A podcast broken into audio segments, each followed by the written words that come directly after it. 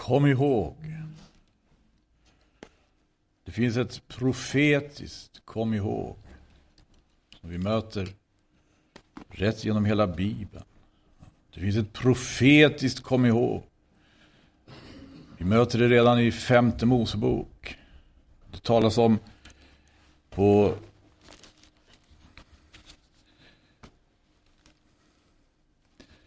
årsliga ställen. Exempelvis på det här viset. Det står så här. Femte Moseboks femte kapitel och vers 15. Du ska komma ihåg att du själv har varit en träd i Egyptens land och att Herren din Gud har fört dig ut därifrån med stark hand och uträckt arm. Kom ihåg. Varför ska man komma ihåg det som är negativt? För varenda gång jag läser ett kom ihåg så finns det en negativ, väldigt negativ, mer eller mindre framstår en negativ sida.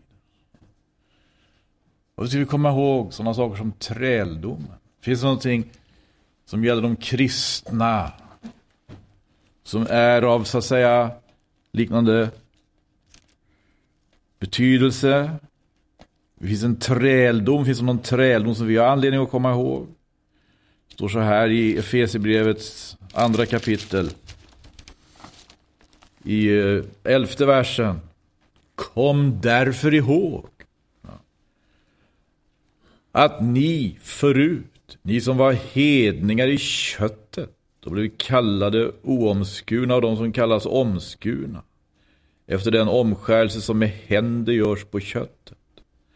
Kom ihåg att ni på den tiden, då när ni var utan Kristus, var utestängda från medborgarskap i Israel och främmande för löftes förbund, utan hopp och utan Gud i världen. Det tycker han vi ska komma ihåg. Men det är, det hans personliga tyckande tror ni? Är det inte den profetiska uppmaningen? Det finns ett profetiskt kom ihåg. Kom ihåg, varför komma ihåg det här negativa? För det är väl faktiskt på det viset. Att eh, det finns alla anledning att lära av, eh, även av, av misstag som har begåtts. Igår när vi var församlade här så var det någon som påminde om just hur Israels barn, förlossningen ur Egypten, hur, hade, hur, hur, hur det, det står, framförts, framställs på det viset i en av salmerna. Eh, det, det, är faktiskt 106 salm, jag ska läsa den direkt här. Psalm 106.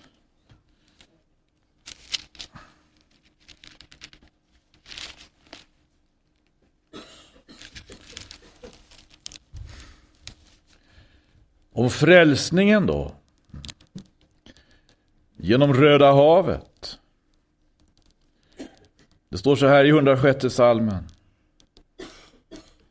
I nionde versen. Han näpste Röda havet så att det blev torrt och förde dem genom djupen såsom genom en öken. Han frälste dem, frälste dem från deras motståndares hand och förlossade dem ifrån fiendens hand.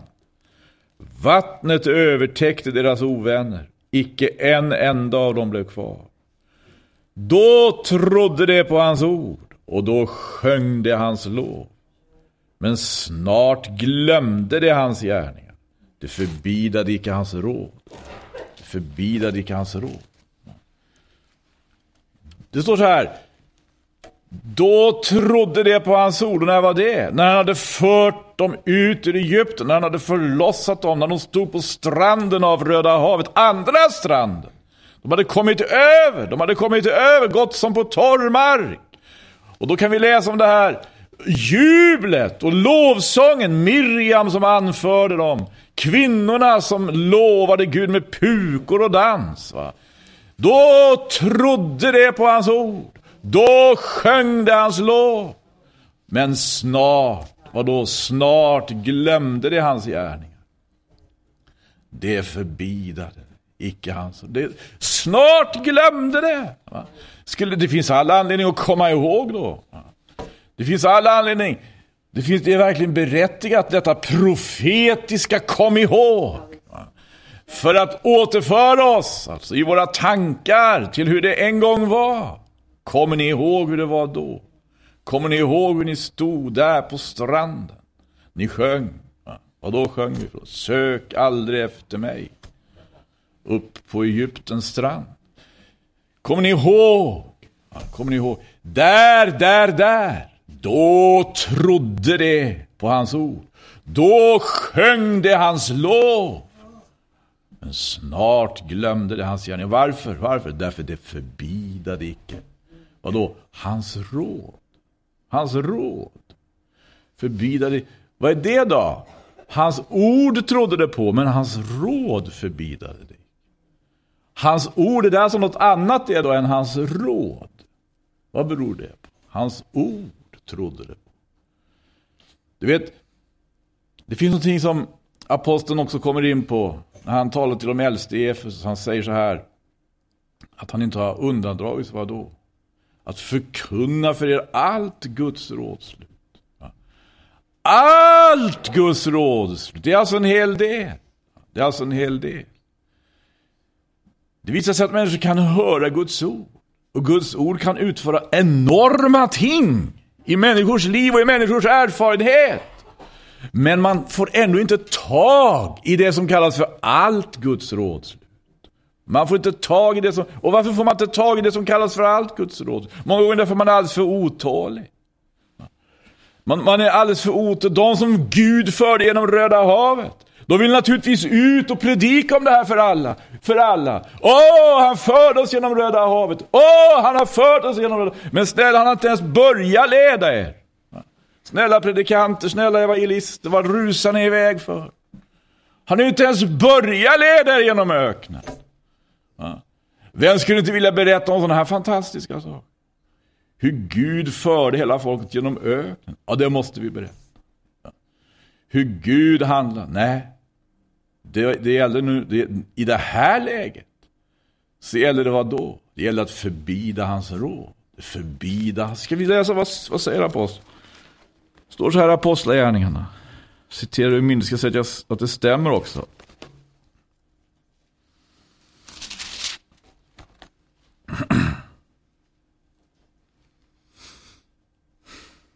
I 27 versen i 20 kapitlet. Ty jag har icke undandragit mig att förkunna för er allt Guds rådslut. Det vill säga, vi möter Guds ord på ett sätt alltså. Det kommer till oss som ett ord som är verksamt, mäktigt. Som vi kommer till tro på. Det kommer vi till tro på. Vi blir så glada. Vi börjar prisa Gud för det här som har skett. Men nu, ser, nu heter det finns någonting som kallas för, vet du, för de första grunderna. Men det måste komma någonting efter också. Det står så i, eller i, i, i Hebreerbrevets eh, sjätte kapitel. De första grunderna står de där. De första grunderna. Men så kommer någonting efter också. Det, kommer någonting, det är någonting som det gäller att, att förbida. Därför det heter någonstans också, ni har fått smaka. Vadå? Det goda gudsordet. Så som, så som när, eh, när, när, när så att säga nyfödd får mjölk. Ja. Men den mjölken är ju till för att man ska växa till och vara i stånd att ta emot den fasta för. Är, är det inte så? Hur i all sin dar ska vi få grepp om allt det Gud vill tala till oss? Hur ska vi få grepp om det Gud vill tala till oss? Han vill alltså tala till oss inte bara om ett. Han vill tala till oss också om något annat. Det kommer ett första, det kommer ett andra, det kommer ett tredje. Eller för att säga eh, med, med alfabetet då. Det kommer ett A, det kommer ett B, det kommer ett C. Vem vill höra hela Guds alfabet? Vem vill lyssna till Guds ord? Vem vill höra Jesus Kristus? som är. Inte bara A, vet vi, utan också Hur ska vi få grepp om allt det han vill säga oss? Det här, eh, detta kom ihåg, som vi, detta profetiska kom ihåg har sin särskilda betydelse här. Det finns ett profetiskt kom ihåg. I, i, I femte Mosebok finns det flera exempel. Vi tittade på ett här. Vi ska titta på några till exempel. Om vi går till åttonde kapitlet.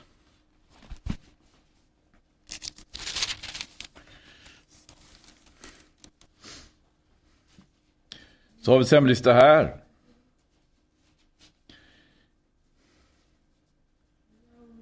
Och du ska komma ihåg allt vad som har skett på den väg.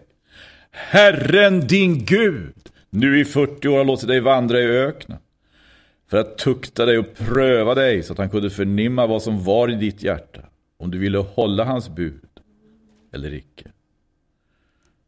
Du ska komma ihåg allt vad som har skett på den väg som Herren din Gud har velat leda dig. Allt som har skett på den vägen. Allt som har skett på den vägen.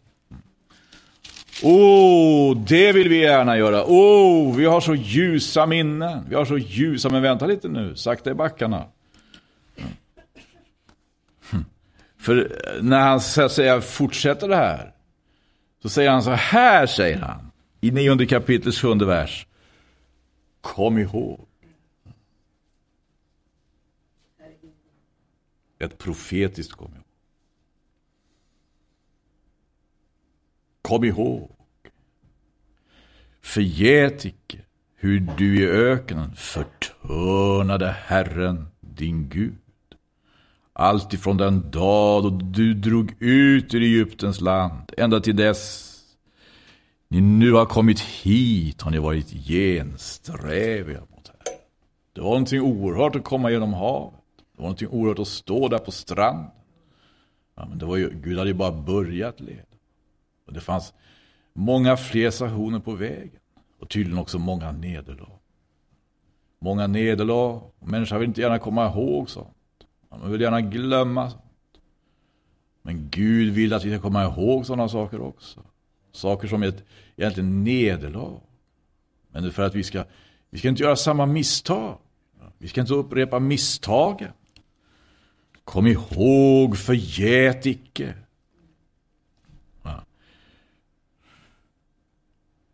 Och så kommer han in på olika platser.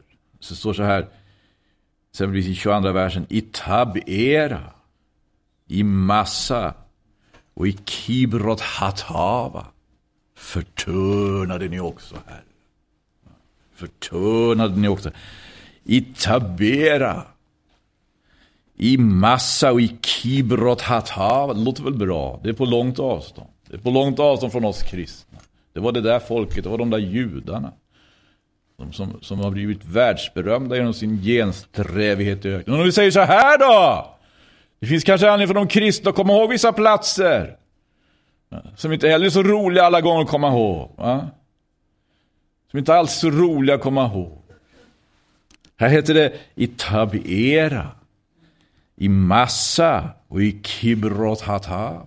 Eller vad, vad, vad, vad sägs om Tiatira, Sardes? Och Laodikea.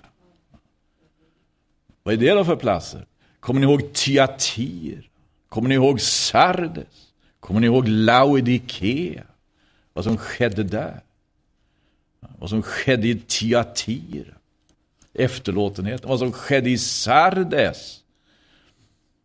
Eh, där man utvecklade en slags skådespelartalang, en slags skådespelartalang. Man blev väldigt man blir väldigt skicklig liksom, på att föreställa och framställa sig som en levande församling. Du har det namnet om dig. Att du lever, men du är död, säger den heliga ande till Sardes. Eller Laodike, vad var det då? Ja. Ljumheten i Laodike. Vilket fruktansvärt nederlag. Usch, det vill vi inte tänka. Men det är sådana saker. Och det, det kanske var ju då, ja. Ska vi gå ännu ett steg då? Kommer ni ihåg? Kommer ni ihåg? Vadå? Finns det några platser? Finns det några erfarenheter vi har anledning att dra oss till minnes? De här platserna, vad står de för då? Tabera, intressant, det var elden. Det var för mycket eld. Men i själva verket var det för mycket knorr. I massa, det var för lite vatten. För lite vatten. Men i själva verket var det för lite tro. För lite tro. Och i Kibrot Hatava, vad var det som saknades där? Det var det som fanns. Det fanns inget kött. Och plötsligt fanns det för mycket kött. Det Gud hade givit döget. Det Gud hade så att säga förordnat. Det blev man, det blev man trött på. Varför blev man trött på det? Varför blev man trött på det Gud ger? Är det för att man lyssnar till Gud? Det tror jag väl knappast. Det är nog för att man lyssnar till andra röster.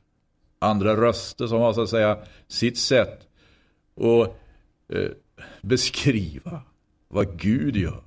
Andra röster som har sitt sätt och skapa leda omkring det Gud ger. Det var faktiskt det som var problemet. Vilka röster lyssnar du och jag till? Vad är vi beredda liksom att engagera vårt sinne i för någonting? Eller vårt minne? Så att vi kommer ihåg. Massa, vad var det då? Massa. Det var intressant Lasse, för Eh, det finns, den ligger nära en annan plats som heter Meriba. Massa ligger nära Meriba. Och vad som ska vi, kan vi kolla det? Här heter det i Andra Moseboks 17 kapitel.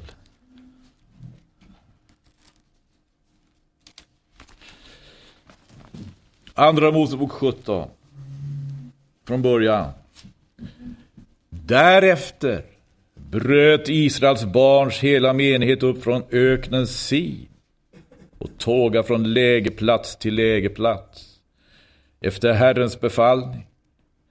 Och det lägrade sig i Refidi, där hade folket inte ett vatten att dricka. Då begynte folket tvista med Mose och sa, giv oss vatten att dricka. Mose svarade dem, varför tvistar ni med mig? Varför frestar ni Herren?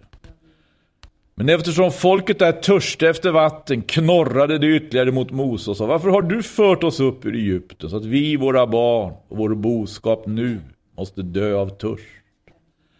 Då ropade Mose till Herren och sa Vad ska jag göra med detta folk? Det fattas inte mycket till att det stenar mig. Herren svarade Mose Gå framför folket, ta med dig några av de äldste i Israel och tag i din hand staven med vilken du slog Nilfloden och begiv dig åstad. stad. Jag vill stå där framför dig på Horebs klippa och du ska slå på klippan och vatten ska då komma ut ur den så att folket får dricka. Och Mose gjorde så inför de äldste i Israel. Och han gav stället namnet Massa och Meriba. Därför att Israels barn hade tvistat och frestat Herren och sagt, är Herren ibland oss? Eller icke? Vilken allvarlig fråga. Massa! Ser du, han ville komma, att vi skulle komma ihåg det. Och hur var det där då? Det finns det finns mycket här, men en sak var jag ska säga, man hade ifrågasatt Guds närvaro. Men ifrågasätta Guds närvaro är väldigt allvarligt om Gud har lovat att han ska vara närvarande. Hur är det med oss? Har han lovat att han ska vara närvarande? Vad betyder de löftena för oss? Vad betyder de löftena även om omständigheterna ser ut att tala emot? Omständigheterna vet ni kan ju se ut att tala emot Guds löften, det har vi väl erfarenhet av. Är det inte så när man, när man sätter tro till Guds löftesord? I Herrens Jesu Kristi namn, vill bli hans efterföljare, vill vandra med hans folk. Då kommer vi också göra de här erfarenheterna. Alltså omständigheterna ibland kan så att säga tala mycket kraftigt emot Guds löften. Det finns ju inget vatten. Många ville tvista med Gud. om den saken. Men Gud ville inte tvista med någon. Utan han gav dem vatten. I det här fallet ser vi. Långt, långt senare på samma plats, samma ställe, så upprepades nästan detsamma. Då hade folket inte bara gjort den här erfarenheten, de hade gått ut ur Egypten. Utan då hade man dessutom varit på gränsen till löfteslandet och varit nära på att gå in i löfteslandet. Men kom aldrig in. Utan vi kan läsa om det här i fjärde Mosebok. Det är också en stor tragedi, ett stort nederlag. Man fick vända om och gå ytterligare flera årtionden i öknen. De kommer till samma ställe, det står om det här i fjärde Mosebok. Fjärde Moseboks tjugonde kapitel.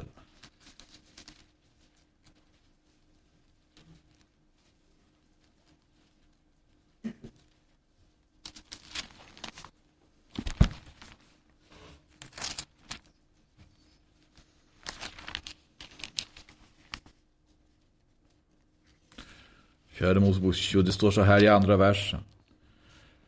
Och menigheten hade inte ett vatten. Då församlade sig det mot Mose och Aron. Och folket begynte tvista med Mose och sa, o att också vi hade fått förgås när våra bröder förgicks inför Herrens ansikte. Varför har ni fört Herrens församling in i denna öken? Så att vi och vår boskap måste dö här. Och varför har ni fört oss upp ur Egypten och låtit oss komma till denna svåra plats? Där varken säd eller fikonträd eller vinträd eller granatträd växer och där intet vatten finns att dricka. Men Mose och Aron gick bort ifrån församlingen till uppenbarelsetältets ingång och föll ned på sina ansikten. Då visade sig Herrens härlighet för dem. Och Herren talade till Mose och sa Tag staven och församla menigheten du med din broder Aron och tala till klippan inför deras ögon. Så ska den ge vatten ifrån sig. Så skaffar du fram vatten åt dem ur klippan och ger menigheten och dess boskap att dricka. Då tog Moses staven från dess plats inför Herrens ansikte så som han hade bjudit honom. Och Mose och Aron sammankallade församlingen framför klippan. Där sa han till dem. Hör nu, ni gensträvige, kan vi väl ur denna klippa skaffa fram vatten åt er? Och Mose lyfte upp sin hand och slog på klippan med sin stav två gånger. Då kom mycket vatten ut så att menigheten och dess boskap fick dricka. Men Herren sa till Mose och Aron, eftersom ni inte trodde på mig och inte höll mig helig inför Israels barns ögon. Därför ska ni inte få föra denna församling in i det land som jag har givit er. Detta var Meribas vatten, där Israels barn tvistade med Herren och där han bevisade sig helig på det. På samma plats, men långt, långt senare. Samma erfarenheter. Men här gjorde ju Mose ett väldigt misstag då. Vad var det egentligen för ett misstag? Det är intressant att se.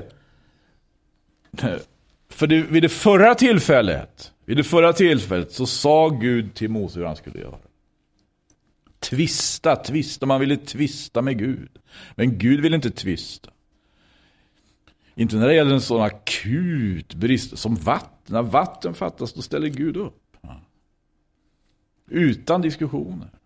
Han talar om hur saken ska, hur, hur, hur ska jag säga, hur detta nu ska åtgärdas. Mose får, vadå? I det förra fallet då? I andra Mosebok 17 kapitel, veta vad då? Han ska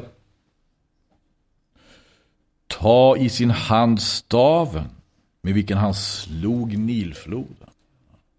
Staven med vilken han slog Nilfloden. Det var en stav det. Som Mose hade. Som han gick med.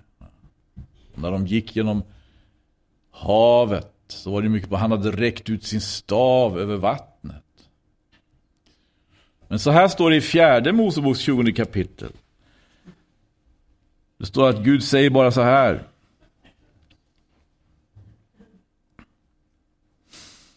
tag staven och församla menigheten, du med din broder Aron. Och det står i nionde versen, då tog Moses staven från dess plats inför Herrens ansikte, så som han hade bjudit honom.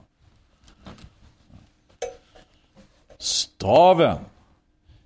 I andra Mosebok 17 var det staven med vilken han hade så att säga slagit, står det va? Nilfloden. Det var en erfarenhet som var ganska färsk då för dem. Staven med vilken han hade slagit Nilflod. Men i fjärde Mosebok 20 kapitel så säger Gud, ta staven. Och staven ligger, står det, inför Herrens ansikte. Den låg, staven inför Herrens ansikte, låg på en plats då i, i själva helgedomen, i tabernaklet. Då var det så att när Gud hade fört folket till denna plats, så efter så lång tids erfarenhet, så fick alltså den här staven inte längre heta staven med vilken han hade slagit Nilfloden. Och varför inte det då? Ska inte det vara alldeles utomordentligt? Att staven hade en sån pondus. Det var den här staven med vilken jag slog Nilfloden. Det var den här staven med vilken jag slog Nilfloden.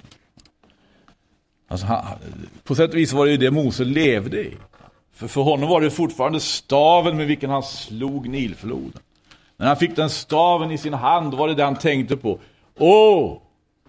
Ja, vilket, vilket maktens attribut han var utrustad med. Denna stav, denna stav. Men Gud hade lagt Gud hade, Gud hade eh, ordnat så att den skulle ligga inför hans ansikte. Och när saker och ting kommer inför Gud vet vi. Då kan, då kan, vi, då kan, det, då kan det vara så att då, då, liksom, då blir de, hur ska vi säga, neutraliserade. Det som kommer inför Gud. Vet du. Allt som kommer inför det blir neutraliserat på sätt och vis. Varför då? Därför det, det som gäller inför Gud, det är inte storhet och styrka. Det är det inte. Det är inte makt. Det är inte pompa. Det finns ingen som kommer inför Gud så att Gud sitter på sin tron och säger Åh, nu kommer han och den är stor och väldig. Nu kommer den här, nu kommer den här, han som är så, så att säga, bemärkt, som har sånt anseende. Du, det är inte så inför Gud. Och det är så, saker och ting kan bära på vissa laddningar. Det gäller ju föremål då. Det här föremålet, den här staven var ju laddad, laddad, laddad. Med, alltså det, det var staven med vilken Mose hade slagit Nilfloden. Staven med vilken Mose hade slagit Nilfloden. Det fanns djupt i han. Det satt, han ville gärna vifta med den här staven. Vifta med den här staven. Han ville använda den här staven. Ja. Det, det, det, är kanske så många gånger. Vi vill gärna vifta med de här sakerna så att säga. Som på något vis har pondus. Som representerar, tycker vi, auktoritet. Va? Saker som vi kan ta fram i vår erfarenhet. Men nu hade staven kommit inför Herrens ansikte. Staven hade kommit när, när, när saker och ting kommer inför Herrens ansikte. När erfarenheter vi har gjort kommer inför Herrens ansikte. När föremål och ting som hör samman med dessa erfarenheter kommer inför Herrens ansikte. Så på något vis kan det neutraliseras fullständigt. Neutraliseras. För vad är det som gäller inför Gud? Vad är det som gäller inför hans ansikte? Jag har försökt ta reda på det. Jag, jag, kan inte fatta något annat än att det som gäller inför hans ansikte, det är hans ansikte. Ja. Och du, det är ett ljus.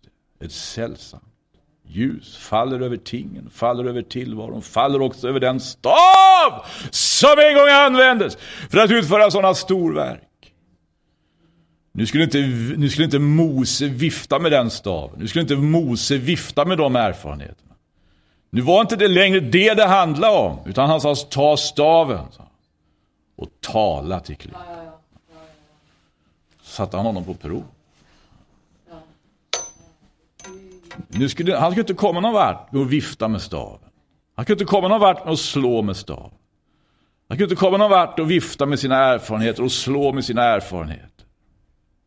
Han skulle komma någon vart genom att säga vad Gud sa att han skulle göra. Och vad sa Gud han skulle göra? Gud sa tala till klippan. Det är ett mycket mer, ska vi säga, fridsamt, stillsamt uppträdande än vad Mose var redo till. När Mose hade varit inför Herrens ansikte och hämtat staven så kom han ut och var på ett fruktansvärt humör. På ett fruktansvärt humör. Och fräste och förfärligt. Då sa han, ni har inte hållit mig helig.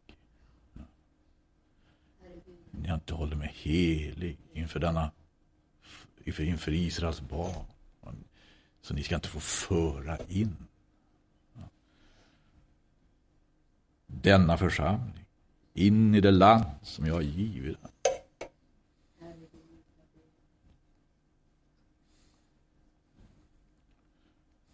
Men, vad var det nu? Vad var det vi sa? Vad var det vi ägnade oss åt? Kom ihåg. Kom det, det finns ett profetiskt kom ihåg. Men det gäller alltså att komma ihåg på rätt sätt då. Tydligen så, det här tillfället så kom han inte ihåg på rätt sätt. Han kom bara ihåg det som så att säga hade gjort honom själv stor. Eftersom han var på ett förfärligt humör så tyckte han det passade utmärkt. Här kunde han verkligen, han hade något att slå med. Men det gick inte att slå med den staven längre. Den var inte användbar på det viset. Han skulle tala till klippan. Det gjorde han ju också på sätt och vis, för han sa ju något. Men han sa ju inte det han borde säga. Kom ihåg. Kom ihåg. Kom ihåg på rätt sätt. Ett profetiskt kom ihåg. Kom ihåg. Vadå?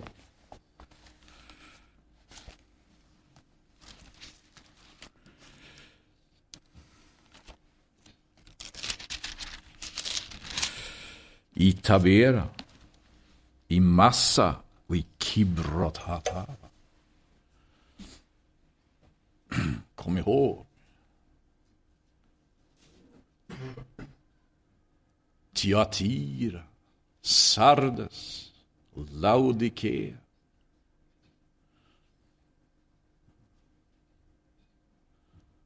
Vad har vi anledning att komma ihåg?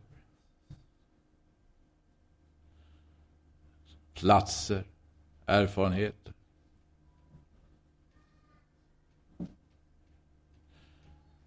som vi har varit. Vi har gjort våra, så att säga. Johannelund. Gamla Bro. Björksätraskolan. Det finns sidor av de erfarenheterna som kanske inte bara är roliga.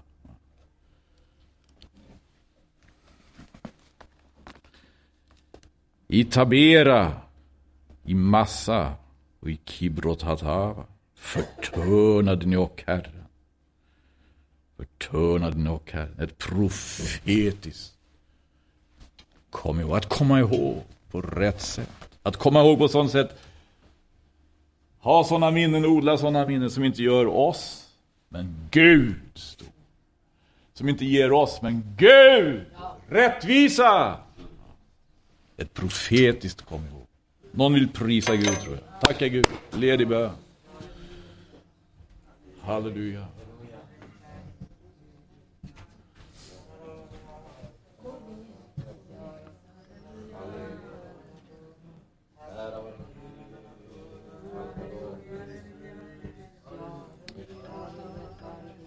Prisad vare du Jesus. Vi prisar dig.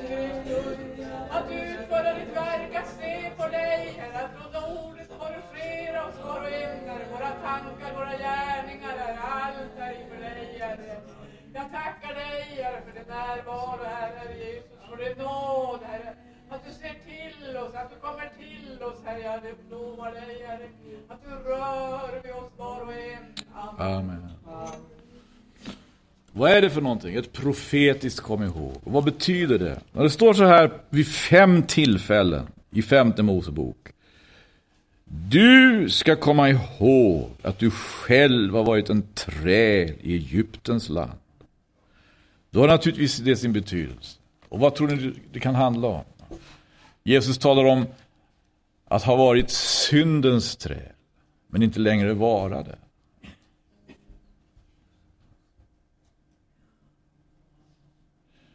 Det måste ju handla om att vara att komma ihåg på sånt sätt att vi förstår att värdesätta friheten.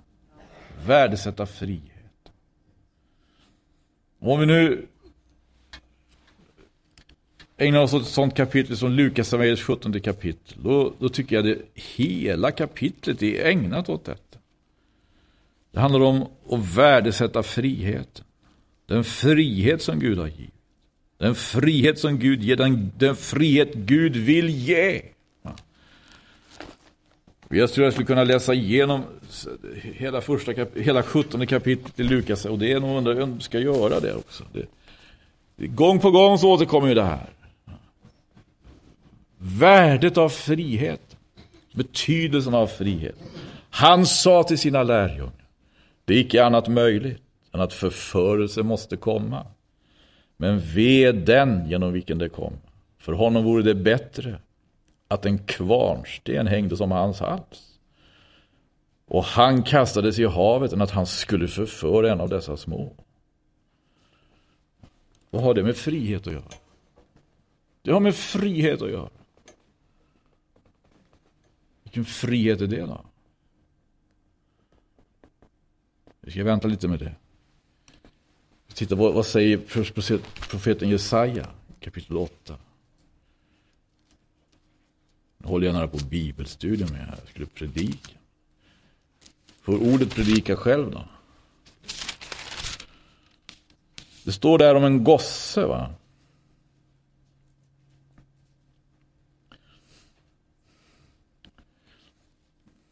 Vars namn är vadå?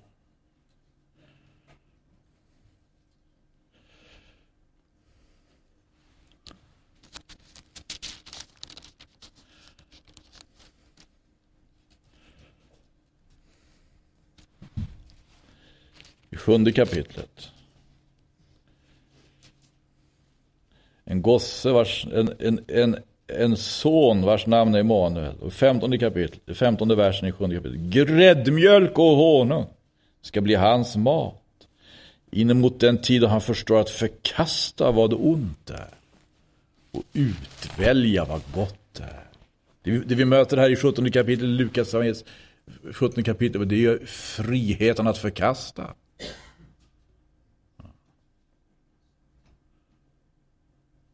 Friheten att förkasta vad ont är, tagit tillvara. Om din broder försyndar sig, så tillrättavisa honom. Och om han då ångrar sig, så förlåt honom. Ja, om han sju gånger om dagen försyndar sig mot dig och sju gånger kommer tillbaka till dig och säger jag ångrar mig, så ska du förlåta honom. Friheten att förlåta. Det ena såväl som det andra. Friheten. Och apostlarna sa till Herren, föröka vår tro. Då sa Herren, om ni hade tro, vore den och blott så som ett senapskorn, så skulle ni kunna säga till detta mullbärsfikonträd, ryck dig upp med rötterna och plantera dig i havet, och det skulle lyda er. Också frihet. Friheten att tro. Friheten att tro. Finns det en sån frihet? Ja, vem har tvingat dig att, att inte tro då? Eller vem har någonsin tvingat någon att inte tro? Det kan verka så ibland att det finns ett sådant tvång. Men det finns inget sådant tvång när vi tar del av vad Jesus har att säga. Ingen är tvungen till otro. Det finns ett alternativ. Vad är det? Vara fri att tro! Fri att tro. På allt vad Gud har talat, allt. Från det första till det sista. Höra det första, det mäktiga första som Gud säger. Som får havet att sina ut. Men du, även om det första Gud säger är så mäktigt att det kan verka så mäktigt så att säga på det sättet. Så är inte det allt. Det finns någonting annat också. Det finns någonting som är värt att förbida. Det var det som, de, som stod på Röda havets strand inte gjorde. Om någon bland er har en tjänare som kör plogen eller vaktar boskap, icke säger han väl till tjänaren när denne kommer hem från marken, gå du nu strax till bord. Säger han inte fastmer till honom, red till min måltid och fäst så upp din beklädnad och betjäna mig medan jag äter och dricker, sedan må du själv äta och dricka. Icke tackar han, väl tjänaren för att den gjorde det som blev honom befallt. Sammalunda när ni har gjort allt som har blivit er befall. då ska ni säga, vi är blott ringa tjänare. Vi har endast gjort vad vi var pliktiga att göra. Igen frihet! Friheten att tjäna! Friheten att tjäna på ett sådant sätt att vi gör honom stor. Att vi förhärligar honom. Vad är det annat än den största friheten? Friheten att tjäna honom. Friheten att tro på honom. Friheten att tjäna honom. Men glöm inte, kom ihåg hur det var innan. Kom ihåg hur det var innan. Nu står det så här. Att när han var stad på sin färd till Jerusalem tog han vägen mellan Samarien och Galileen. När han kom in i en by möttes han av tio spetälska män. Dessa stannade på avstånd och ropade och sa Jesus, mästare, förbarma dig över oss. När han fick se dem sa han till dem Gå och visa er för prästerna och medan de var på väg dit blev de rena. Och en av dem vände tillbaka när han såg att han hade blivit botad och prisade Gud med hög röst och föll ned på sitt ansikte för Jesu fötter och tackade honom och denne var en samarit. Då svarade Jesus och sa, blev icke alla tio gjorda rena? Var är det nio? Fanns det ibland dem ingen som vände tillbaka för att prisa Gud, utom denne främling? Vad är det då? Friheten att tacka. Friheten att tacka Gud. Friheten att tacka honom.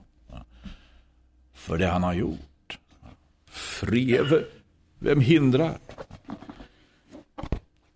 Vem hindrar tacksägelsen? Ett sätt att hindra tacksägelsen på det är att göra som de nio gjorde. Försvinna någonstans. Varför försvinna någonstans när man kan återvända till honom?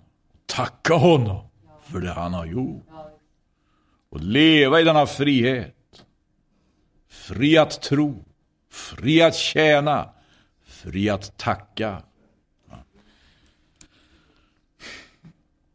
Och då han blev tillfrågad av fariseerna när Guds rike skulle komma svarade han dem och sa Guds rike kommer icke på sådant sätt att det kan förnimmas med ögonen.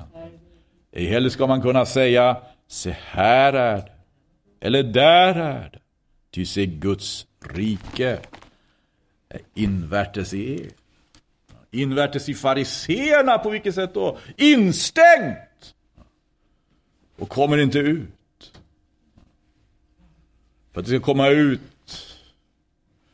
att det ska komma ut i världen så behövs det ett annat, en, annan, en annan inställning till Jesus. En sinnesändring. En frihet. En frihet att tro som fariseerna inte ägde och inte ville ha. En frihet att tjäna Gud i Kristus. En frihet att tacka honom. En frihet att prisa honom. Och han sa till lärjungarna, den tid ska komma då ni gärna skulle vilja se en av Människosonens dagar, men ni ska icke få det. Väl ska man då säga till er, se där är han, eller se här är han. Men gå icke dit och löp icke därefter. Ty ljungelden, så som ljungelden, när den ljungar fram, lyser från himmelens ena ända till den andra, så ska det vara med Människosonen på hans dag. Men först måste han lida mycket och bli förkastad av detta släkte. Och så som det skedde på Noas tid, så ska det också ske i Människosonens dagar. Människorna åt och drack, män tog sig hustrur och hustru gavs åt män, ända till den dag då Noa gick in i arken. Då kom floden och förgjorde dem allasammans. Likaledes så som det skedde på Lots tid. Människorna åt och drack, köpte och sålde, planterade och byggde.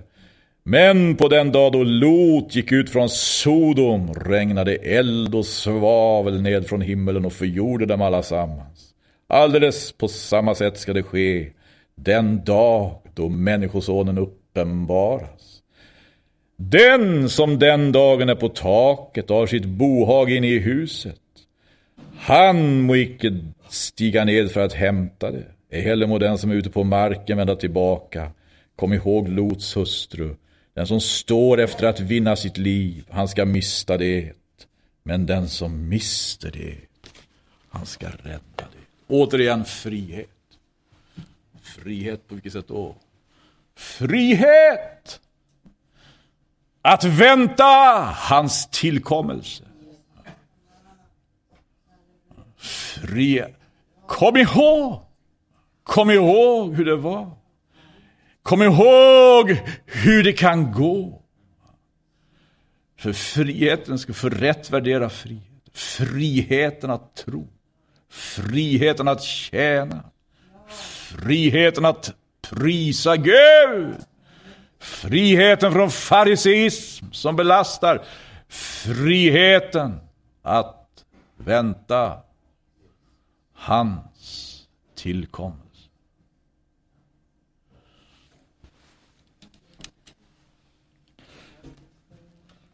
Kom ihåg Lots hustru. Jag ska komma ihåg henne. Hon var inte fri att göra det. Hon hade sina försänkningar. Någonting betydde mer för henne. Vadå, trots allt? En Lot och änglarna som beledsagade honom. Och det Guds ingripande som detta så att säga innebar. Själva Sodom, själva stad, allt vad den representerade. Ordningen som trots allt fanns där. Vad har vi i vår förankring? Vad har vi vår försänkning? I den närvarande, omgivande tingen. I staden så att säga, eller i huset. Gode Gud, när han vill ge en vision, en vision som håller och bär. Fri att äga den visionen.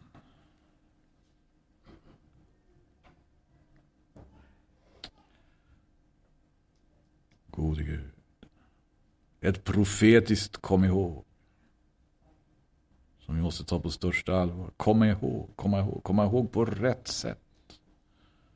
Komma ihåg för att inte upprepa misstagen. Komma ihåg för att vara redo inför hans tillkommelse. Någon prisar Gud innan vi avslutar.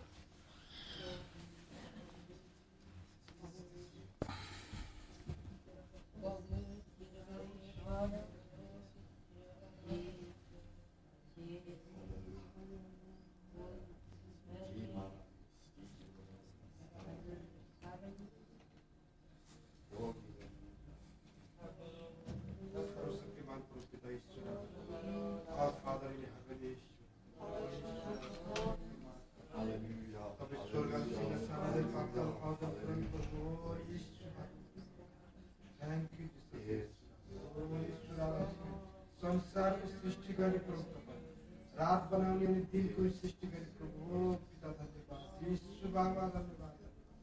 अब्बा रब ईश्वर आजा धन्यवाद। ओ पिता ईश्वर आजा सदैव तपाईँको महिमा यो संसार तपाईँको महिमा ओ धन्यवाद यस बारेमा चर्च तपाईँको हातमा ल्याएको प्रदर्शित गर्नु ओ श्री ईश्वर आजा पिता धन्यवाद बाबा। धन्यवाद तपाईँको बाबा सबै परिस्थितिमा तपाईँको आशिष दिनुहोस्। पिता धन्यवाद धन्यवाद धन्यवाद धन्यवाद बाबा सबै कुराहरूमा परमेश्वरको महिमा अनि जयकार होस् आफ्नो पिता जो स्वर्गमा हुनुहुन्छ पवित्र तपाईँको राज्य आज आज हामीले दैनिक भोजन हाम्रो अपराधहरू क्षमा गर्नु जसरी हामीले आफ्ना अपराधहरू क्षमा गर्ने Prisa dig. Prisa dig. Gud i himlen. Fri att ära Gud. Som Abraham var fri. Genom tron, står det, så ärade han Gud. Fri att tjäna honom. Fri att... Herre, Herre! Lär oss bedja, så som och Johannes lärde sina lärjungar.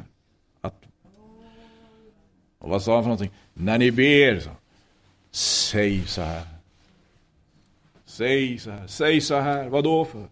För att vi ska veta i vilken riktning vi ska vända oss. För att vi ska veta vem vi ska göra något. Och med vilka ord vi ska göra något om. Herre, lär oss bedja. Herre, lär oss tacka Gud. Herre, lär oss prisa Gud. Gode Gud, fri att tacka Gud, att prisa Gud.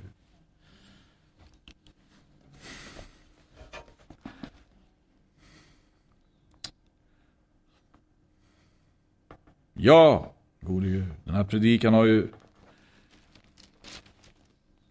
kommit att röra sig med en hel del nu, så att säga. Olika situationer.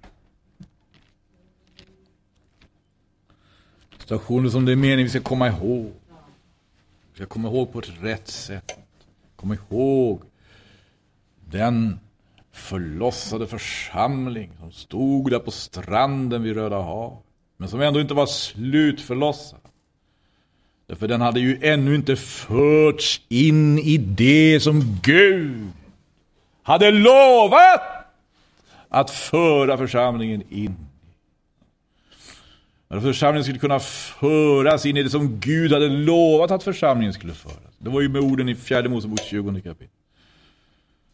Så måste också församlingen säga lära sig vad då? Inte så mycket att tvista med Gud. Som att lyssna på honom. Inte så mycket att, att tvista heller med Guds vittnen. Som att vadå?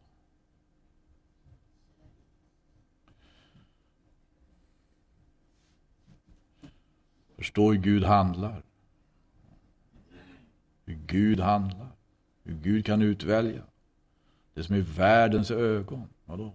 Tänk, tänk! Vad står det någonstans? I första Korinthierbrevet. Betänk mina bröder. Hur det var vid er kallelse.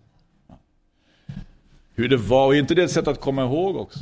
Om man ska betänka hur det var, då måste man ju på något sätt komma ihåg. För det som var, det var. Betänk mina bröder hur det var vid er kallelse.